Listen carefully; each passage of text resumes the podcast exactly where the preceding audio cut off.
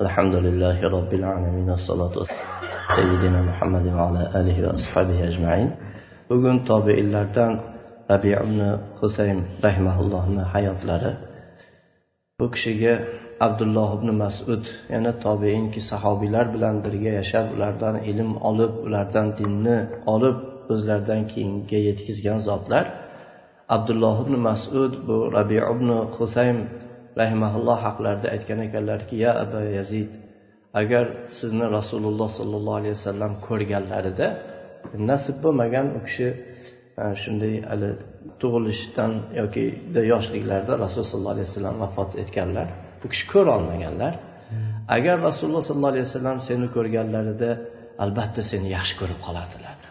ya'ni rasululloh sollallohu alayhi vasallamni axloqlarini kimni yaxshi ko'rishlarini kimga qarashlarini yaxshi bilgan zotlardan ashoblardan abdulloh ibn masud roziyallohu anhu shunday degan ekanlar. Hilol ibn esof o'zlarini mehmonlari munzir savriy bu kishi tobeinlarni mutaaxirlarida yana bu biz tarixlarni o'qiyotgan rabiy ibn husaynlar qarib qolgan vaqtlarida endi bu kishi sig'oru tobiin mutaaxirin tobiinlardan. Bu ikkalalari bu bir kishi mehmon bo'lib hilol ibn esofni uylariga munziri savriy e, mehmon bo'lib kelgan ekanlar. Mehmonga qarab aytdilarki biz shayxni oldilariga bormaymizmi? Borib ozgina u kishini suhbatlarini eshitib bir iymonlashib kelmaymizmi? dedilar. Munzir e nimaga bormas ekanmiz? Albatta boramiz dedilar. Allohga qasamki men ko'faga kelishimdan maqsad shu shayx rabi ibn husayn bilan uchrashib u kishi bilan gaplashib u kishiga rag'bat qilganimdan men bu yerga keldim dedilar. U kishini iymonini bu farovonligida iymonning maydonida bir lahza bo'lsa ham birga yashab bir bundan lazzat olishga kelganman dedilar. Lekin ruxsat so'radingizmi biz u kishini oldiga kirishimizga?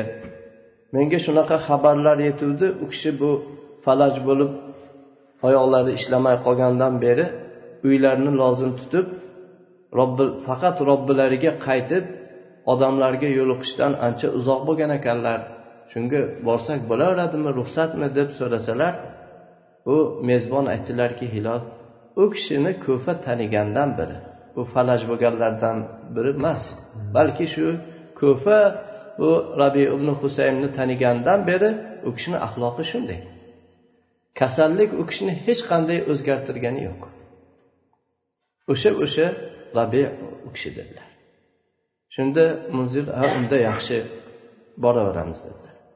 Lekin siz bilasiz shayxlarni bu mijozlari xarakterlari deymiz sal nozik tablari nozik bo'ladi.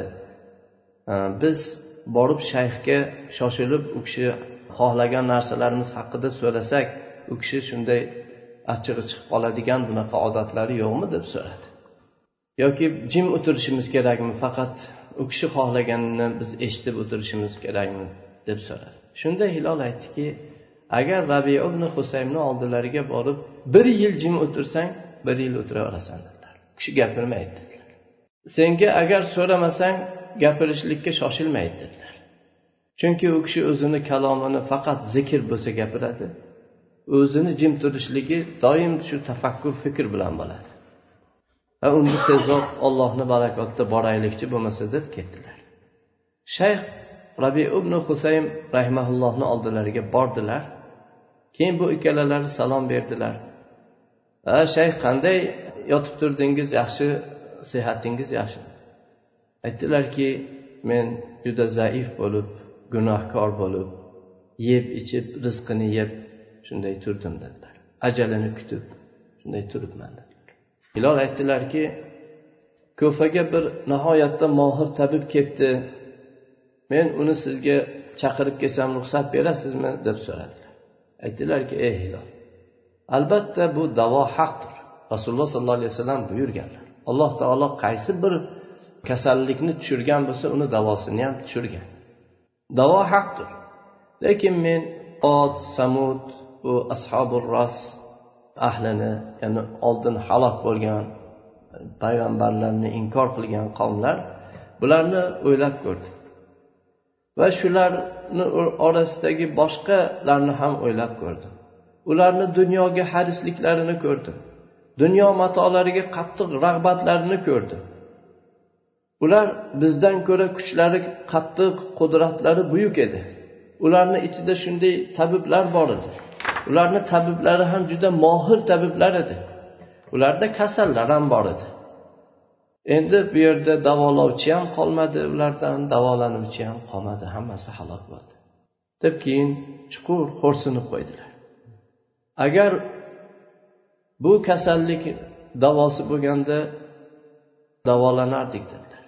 Shunda munzir yana ruxsat so'rab aytdilarki ey shayx bu kasallik nima bo'lmasa? dedilar. Aytdilarki bu kasallik gunoh kasallik. Uni davosi nima? dedilar. Uni davosi istig'for shifosi qanday bo'ladi? Shifosi tamoman tavba qilib keyin gunohga qaytmasliging bilan bo'ladi.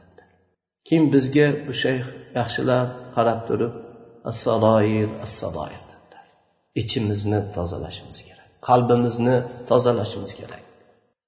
Odamlardan yashirin bo'lgan ichingizni lozim tuting. U alloh taologa har doim ochiqdir. Alloh uni albatta bilib turadi. Davolaringizni qidiringlar. U sirlarimizni davolarini uni davosini izlanglar dedilar. Uni davosi nima deb so'rashdi? Uni davosi xolis tavbadir. Allohga qaytishlikdir keyin yig'ladilar. Hatto ko'z yoshlari soqollarini ho'l qildi. Shunda munzir aytdilarki siz shu mana shunday shunday amallarni qildingiz. Shuncha vaqt falaj bo'ldingiz. Buncha zahmat chekdingiz. Va hokazo u kishini yaxshiliklari solihlari ilmlarini zikr qilib yana siz shunday bo'lib yig'laysizmi? Yo'q u sen aytganday emas dedilar. Unaqa emas dedilar. Nimaga yig'lamay men bir qavmlar bilan birga bo'ldim ya'ni sahobiylarni aytyapti bir qavmlarni ko'rdim biz ularni oldida o'g'rilarga o'xshaymiz dedilar. Ollohni olloh ulardan rozi bo'lsin biz ularni oldilarida o'g'ri edik dedilar. Hilol aytdilarki aytadilarki shunday bo'lib turuvdik shayxni o'g'illari kirib keldi. Bir yigit chiroyli salom berdi. Aytdiki ey otajon onam sizga o'zlari qo'llari bilan bir taom shirinlik hozirlabdilar. Buni juda ajoyib yaxshi bo'pti.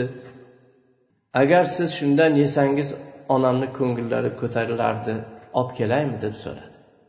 Ha olib kel dedilar.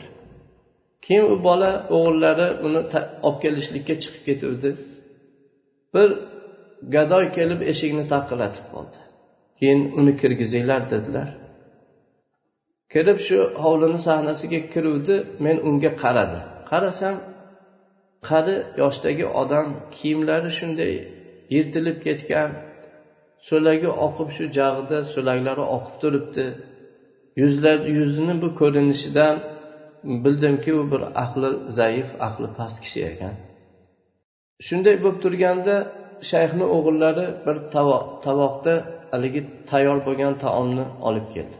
Shunda otalari ishora qildilarki bu gadoyni oldiga qo'y dedilar uni oldiga olib borib qo'ydi. Bu odam taomga shunday tashlandi uni tamom yutar edi. Shunday og'ziga tashlab yutar edi. So'lagi ham uni ustiga oqib turar edi. Uni yeyishda davom etdi ham hammasini tugatib yedi. Shunda o'g'illari otalariga qarab ey otajon olloh sizga rahm qilsin. Onam ja bir mashaqqat chekib ja e'tibor berib buni qilgan edilar. Bu shirinlikni sizga tayyorlagan edilar. Biz ham siz undan yeyishingizni juda xohlar edik. Bu nima yeyishini bilmaydigan bir odamga uni yedirib yubordingiz dedi. Shunda aytdilarki o'g'lim bu nima yeyishini bilmasa olloh taolo biladi dedilar. Keyin olloh azza va jallani mana bu so'zini tilovat qildilar. Lan tanalul birra hatta تنفقوا mimma tuhibbun va ma من min shay'in fa innalloha bihi alim. Sizlar ezgulikka yetisha olmaysizlar o'zinglar yaxshi ko'rgan narsani sarflamaguncha. Nimani qaysi bir narsani sizlar infoq qilib olloh yo'lida sarflasanglar albatta alloh taolo uni biluvchidir. Ana alloh taolo u olgan bilmaydi yeganini ham bilmaydi. Lekin alloh taolo u siz yaxshi ko'rgan narsangizni infoq qilsangiz albatta alloh taolo uni biluvchi zotdir. Shunday bo'lib turuvdik. Yaqinlaridan bir kishi kirib keldi. Aytdiki abu yazid husayn roziyallohu anhu qatl qilinibdilar dedi. inna lillahi va inna ilayhi rojiun dedilar ana husayn roziyallohu anhuni qatl qilinish davrlari shu vaqtda bo'lgan ekan va alloh taoloni mana bu so'zini tilovat qildilar قل اللهم فاطر السماوات والأرض عالم الغيب والشهادة أنت تحكم بين عبادك فيما كانوا فيه يختلفون aytingki ey olloh ey osmonlaru yerlarni yaratuvchi zot g'aybu shahodatni yaxshi bilguvchi zot sen bandalaringni o'rtasida ular ixtilof qilgan ishlarda o'zing hukm qilasan degan oyatni tilovat qildilar. Lekin xabar olib kelgan bu odam bu kishini so'zlaridan qoniqmadi. Aytdiki u kishini qatl qilinibdi u haqda nima deysiz? dedi. U haqda aytamanki ilallohi iyabuhum va alallohi hisabuhum deyman. Ya'ni ular ollohni oldiga qaytadilar. Hisoblarini ham alloh taolo qiladi. Biz ularni hisoblarini bilmaymiz qilolmaymiz dedilar. Hilol aytadilarki keyin peshin vaqti yaqinlashganini ko'rdimda shayxga aytdimki endi bizga bir nasihat qiling vasiyat qiling dedi. Shunda aytdilarki ey hilol odamlar seni ko'p maqtashliklari seni aldab qo'ymasin. Chunki odamlar seni faqat zohiringni ko'radilar zohiringni biladilar. Va seni amallaringga oxirida amallaringga borishingni bilgin. Har bir ollohni yuzi talab qilinmagan amal borki u yo'q bo'lib ketadi. Hech foydasi bo'lmaydi dedilar. Shunda bu kelgan mehmon ham munzir menga ham vasiyat vasiyat qiling nasihat qiling ey shayx. Olloh yaxshi bir mukofot bersin deb nasihat so'radilar. Aytdilarki ey munzir o'zing bilgan ishlarda ollohdan taqvo qil. Lekin ilmi senga berilmagan sen bexabar bo'lgan ishni uni biluvchisiga topshirgin. Ey munzir sizlarni bittangiz men yo olloh men tavba qilaman senga deb keyin tavba qilmaydigan bo'lsa men tavba qilaman deb aytmasin. Bu yolg'on bo'lib qoladi. Lekin aytsinki yo olloh bizlarni gunohlarimizni kechirgin deb yalinsin bu duo bo'ladi.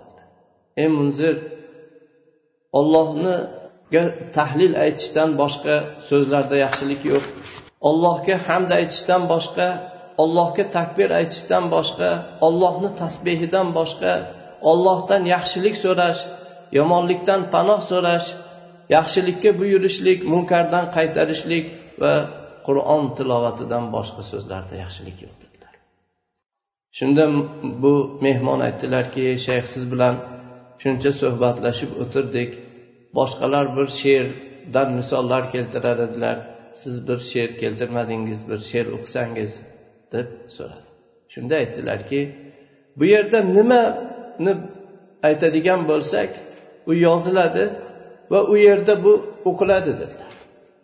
Ashula qilsak u yerda shu o'qiladi. Nima gap gapirsak u yerda o'qiladi. She'r o'qisak she'r o'qiladi. Men kitobimni hisob qilinayotgan kunda menga she'r o'qilib menga kitobim berilishini kerak ko'raman dedilar. Keyin bizni hammamizga qarab o'limni zikrini ko'p qilinglar. U sizlarni doim kutib yurgan g'oyib sizlardan g'aybu doim sizlarni kutib yurgan narsadir. Chunki g'oyibni bu yo'q bo'lganni g'aybligi qancha e, uzun bo'lsa uni kelishi nihoyatda yaqin bo'lib qoladi. Va uni darrov peshonasi ko'rinib qoladi dedilar. Yaqinda shunday kelib qoladi dedilar. Keyin yig'ladilar. Ertaga dedilar bu biz turgan yer mayda mayda parchalansa biz nima qilamiz? Robbimiz bizga hukm qilib hisob kitob uchun kelsa farishtalar saf saf bo'lib kelsalar nima qilamiz? Jahannamni bizni oldimizga olib kelinsa unda nima qilamiz dedilar. Hilol aytadilarki u shayx rabiy o'zlarini so'zlarini tugatmay turib peshinga azon aytildi. Keyin o'g'illariga qarab aytdilarki ke endi bu ollohni da'vatchisiga ijobat qilaylik boraylik dedilar. O'g'illari menga yordamlashib yuboringlar masjidga olib boraylik. Olloh sizlarga bir yaxshi mukofot bersin dedilar. Biz ham u kishini ko'tardik. O'ng qo'llarini o'g'illarini yelkasiga chap qo'llarini meni yelkamga qo'ydilar. Keyin oramizda shunday sudralib borardilar. Ikkita oyoqlari yerni chizib borardi. Shunda munzir aytdilarki ya aba alloh olloh alloh subhanava taolo sizga ruxsat berganku. Uyingizda namoz o'qisangiz ham bo'laveradiku dedilar. Aytdilarki seni aytganing to'g'ri ish sen aytgandek. Lekin men bir ollohga nido qilguvchi hayya alal falah najotga kel deb chaqirib tursa najotga kel desa buni men eshityapman kim sizlardan bir nido qilguvchi najotga da'vat qilsa agar emaklab bo'lsa ham uni ijobat qilinglar endi bu rabi ibn haysam bu kishi o'zi kim? Bu kishi bilan bir tanishaylik. U kishi tobeinlarni buyuk allomalaridan o'zlarini davrlarida butun zuhd ularda bo'lgan zohidligu obidlik ularda bo'lgan sakkiztaning bittasi. Asli arab u kishi. Va muzarga bog'lanadi. Ya'ni u kishini shu shu aslzodaligi borib muzarga bog'lanadi. Bu muzar rasululloh sollallohu alayhi vasallamni bobolaridan bittasi. Ilyos va muzar bobolariga borganda rasululloh sollallohu alayhi vasallam bilan nasablari birlashadigan kishi. Bu kishi hali tug'ilib shu o'z tirnoqlari ya'ni suyagi qotmasdan alloh taoloni toatida ibodatida ulg'aya boshladilar.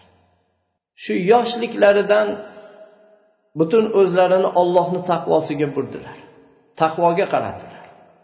Onalari kechalari uxlab qolib keyin bir uyg'onib qarasalar bu yosh o'g'ilchalari shu o'zini mehrobida allohga shu qiyom turganini safda turganini ko'rardilar.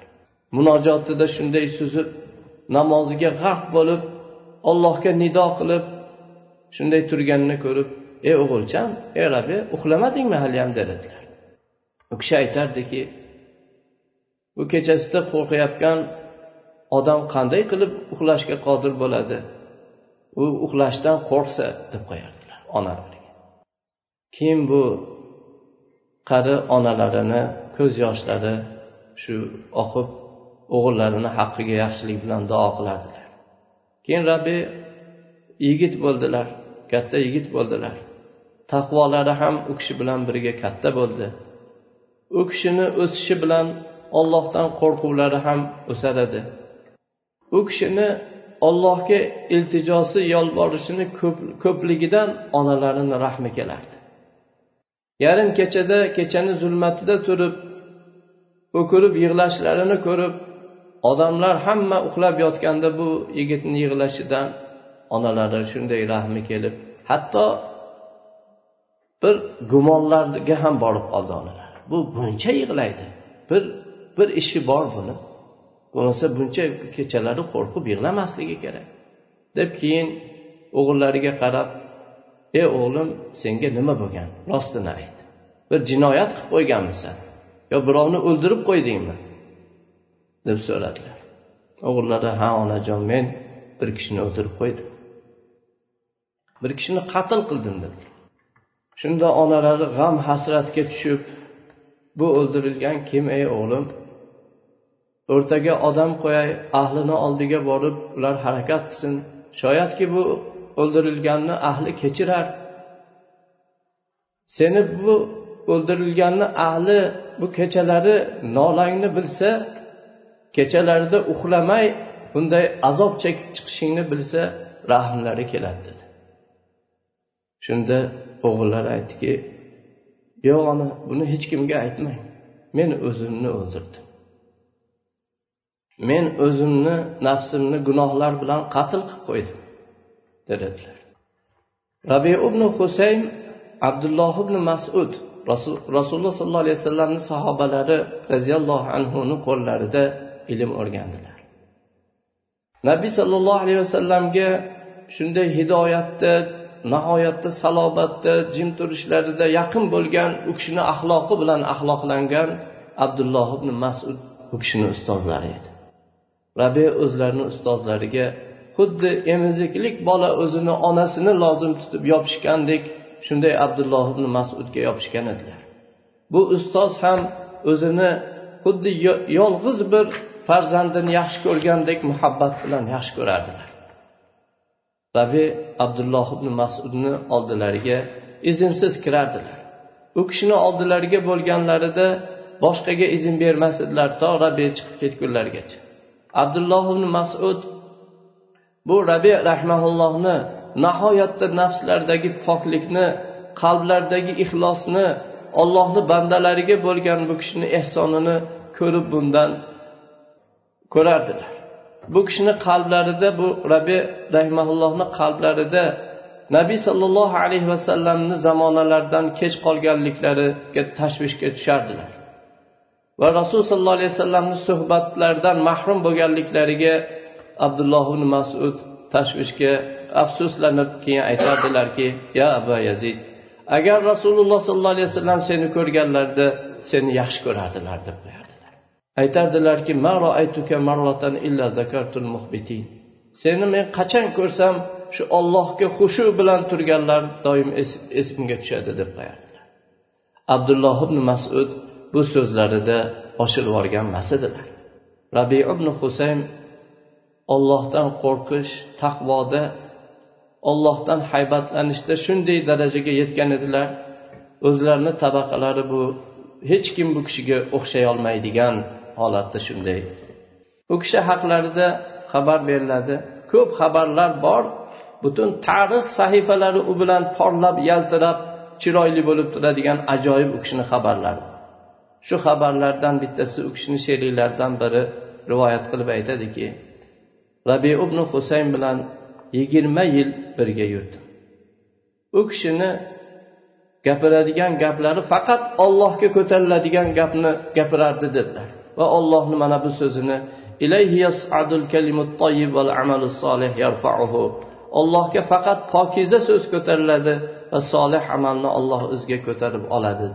degan oyatini tilovat qiladi abdurahmon ibn ajlon rabi rahimaulloh haqlarida xabar berib aytadilarki bir kecha rabiyani oldilarida tunab qoldim yotuvdim keyin meni tamom uxladi dedilarda uxlaganimga ishonch hosil qilgandan keyin turib namoz o'qiy boshladilar alloh subhanava taoloni أم حسب الذين اجترحوا السيئات أن نجعلهم كالذين آمنوا وعملوا الصالحات سواء محياهم ومماتهم ساء ما يحكمون degan oyatini o'qirdilar ya'ni bu yomonliklarga jur'at qilgan kishilar yomon gunohlarni kasb qilgan kishilar ularni iymon keltirib solih amallarni qilgan kishilar kabi qilamiz deb o'ylaydilarmi ularni hayoti o'limlari bir xil bo'ladi deb o'ylaydilarmi bu hukmlari qanday ham yomondir degan oyatini tilovat qilardilar Kechani hammasida shu oyatni tilovat qilib namoz o'qidilar.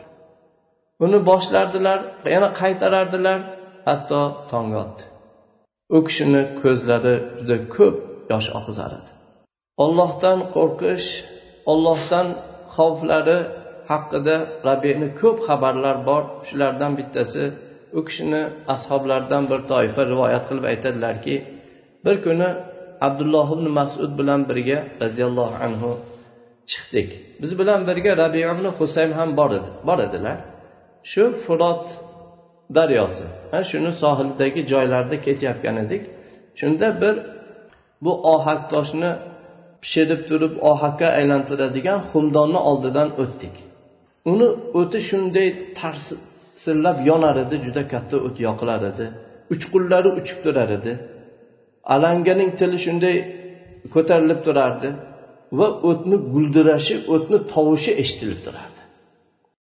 Va bu o'tga ohakka aylanishlik uchun toshlarni tashlangan edi. Rabi bu o'tni ko'rganda shunday joylarda to'xtab qoldilar. Kishi qaltiray boshladi. Qattiq qaltirardilar. Qo'rquvdan titrardilar keyin alloh azza va jallani mana bu so'zini tilovat qildi. إذا رأتهم من مكان بعيد سمعوا لها تغيظا وزفيرا فإذا ألقوا منها مكانا ضيقا مقررين دعوا هنالك ثبورا jahannam ularni ko'rgan vaqtlar ko'rganida uzoqdan jahannam ahlini ular bu jahannamni shunday qaynashini lovullashini va shu gurillab turgan o'tni ovozini eshitadilar Endi shu o'tdan tang bir joyga kishan zanjirlar bilan zanjirband qilinib otilgan vaqtlarida u yerda o'zlariga ular ko'p halokatni chaqiradilar. E halok bo'lsak deb chaqiradilar degan oyatni o'qib u kishi shu oyatni tilovat qilib turib shunday hushidan ketib yiqildi. Biz u kishini ustilariga kelib suvlar sepdik u kishi bilan shunday davom etdik o'zlariga keldi. Keyin u kishini uylariga olib ketdik. Mana shu rabi ibn husaym rahimaulloh edilar. Undan keyin rabi ibn husaym hayotlarini hammasida o'limni kutib o'limga tayyorgarlik ko'rib yashadilar. O'lim hozir bo'lgan vaqtda shu o'lim to'shagida yotganlarida qizlari kelib yig'ladi. Aytdilarki ey qizim nimaga yig'laysan?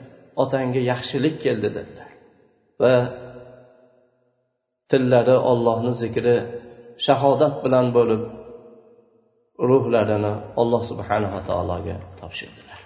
Alloh subhanava taolo ularni hayotlarini bularning tarixlarini o'rganishlikni bizga nasib qilishligi ham robbimizni juda katta ne'mati.